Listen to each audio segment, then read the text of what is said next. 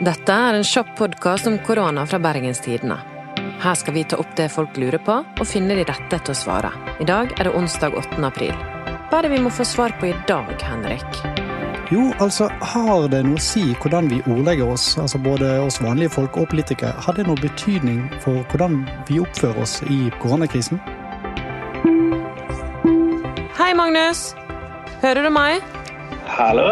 Ja? Der er du. Magnus Hoem Iversen, du er medieviter og forsker på tillit og troverdighet på Universitetet i Bergen.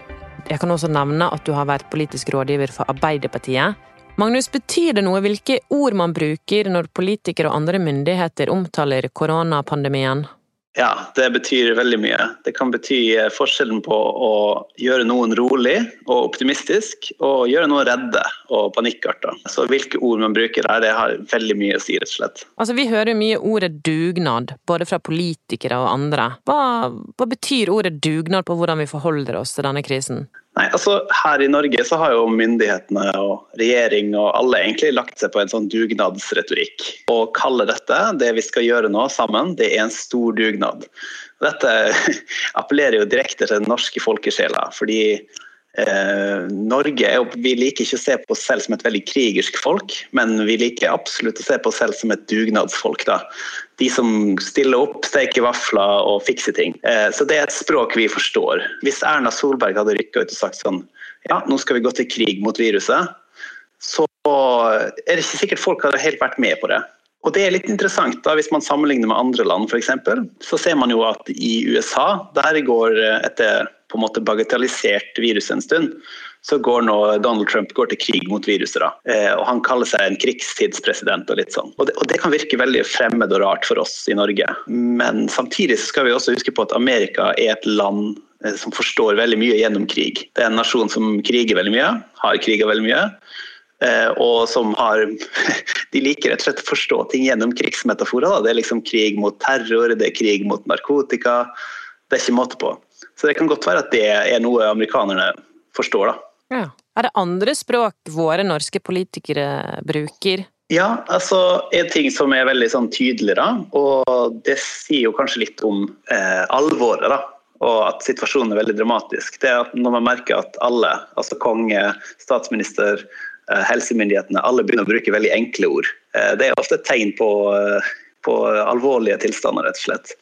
Eh, og Som retorikkforsker da, så ser man jo ofte at de tallene som er de mest dramatiske, har ofte de enkleste ordene. da, De letteste setningene og de, ja, rett og slett de enkleste ordene. For det passer ikke med veldig sånn forseggjort språk og veldig avansert språk eller veldig pynta språk eh, i en dramatisk situasjon. Da er på en måte virkeligheten er skummel nok. Da trenger man ikke pynte på omstendighetene. på en måte. Hvorfor er det sånn? Nei, Jeg tror det har litt med det å gjøre at uh, hvis, hvis, situasjonen er skummel og skremmende eller dramatisk og oppleves som veldig dramatisk, så, så, vil det bare føles kunstig og rart hvis en politiker skal forsøke å dramatisere det med ord.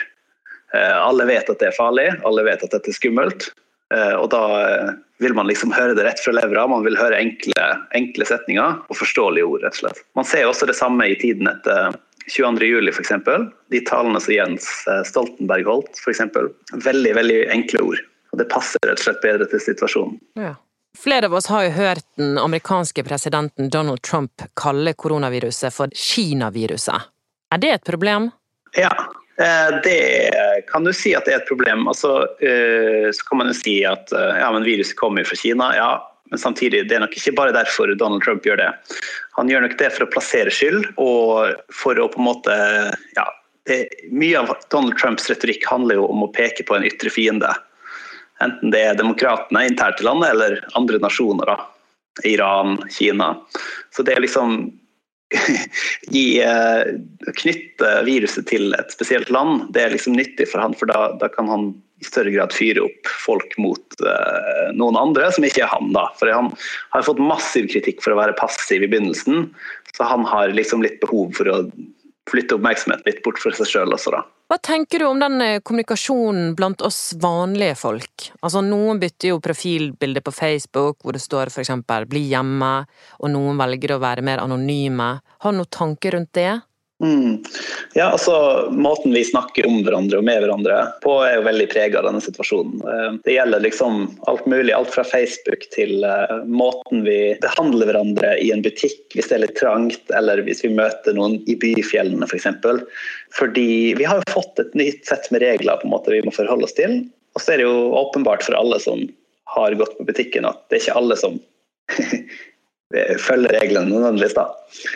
Eh, og hvordan skal man da si fra på en ordentlig måte? Det er noe jeg har tenkt mye på eh, og syns kanskje er litt vanskelig. ikke sant? Fordi da har man jo mange ulike strategier man kan legge seg på. Man kan være litt sånn passiv-aggressiv og sukke og stønne. Eller liksom mumle et eller annet for seg sjøl. Liksom bare gjøre det veldig tydelig at nå gjør du et eller annet som jeg er sinnssykt misfornøyd med, men at man ikke sier det helt ut. Eller så kan man jo si fra. Men problemet med å si fra er at veldig ofte, også i sånne her situasjoner, så blir da går folk ned i skyttergravene. da. Så det er kunsten å si fra på en hyggelig måte er jo kanskje en veldig viktig egenskap eh, akkurat nå. Så, eh, men hva skal man gjøre hvis man møter noen som opptar hele turstien og gjør det umulig å holde avstand? Det er ikke helt godt å si alltid. Tror du den måten vi snakker til hverandre på nå kan ha betydning for krisen og hvordan dette kommer til å utvikle seg videre?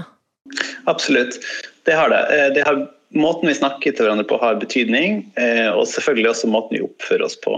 Nå kom det jo akkurat en stor spørreundersøkelse som viste at tilliten mellom folk, altså den mellommenneskelige tilliten blant folk i Norge, har gått litt ned. Men den har gått ned såpass mye at det kan snakke om at det er litt sånn dramatisk i norsk sammenheng.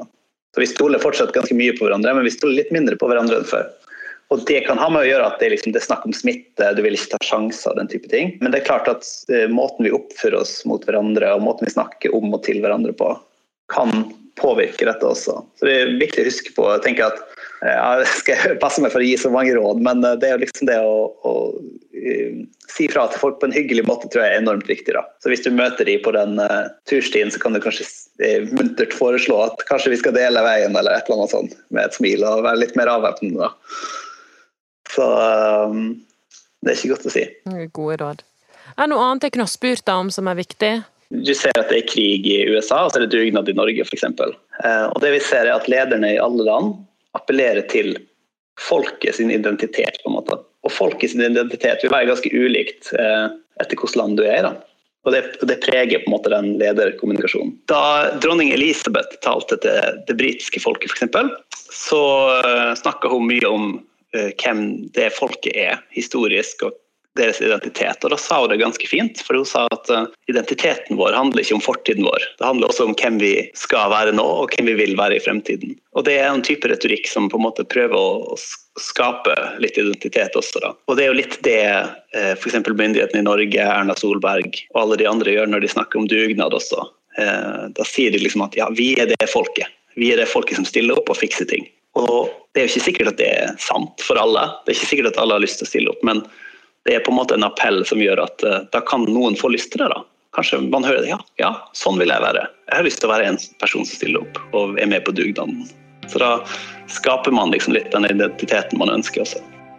Magnus, tusen takk. Dette var veldig interessant. Bare hyggelig. Så må du ha en god påske videre. Det må dere også. Ha det godt.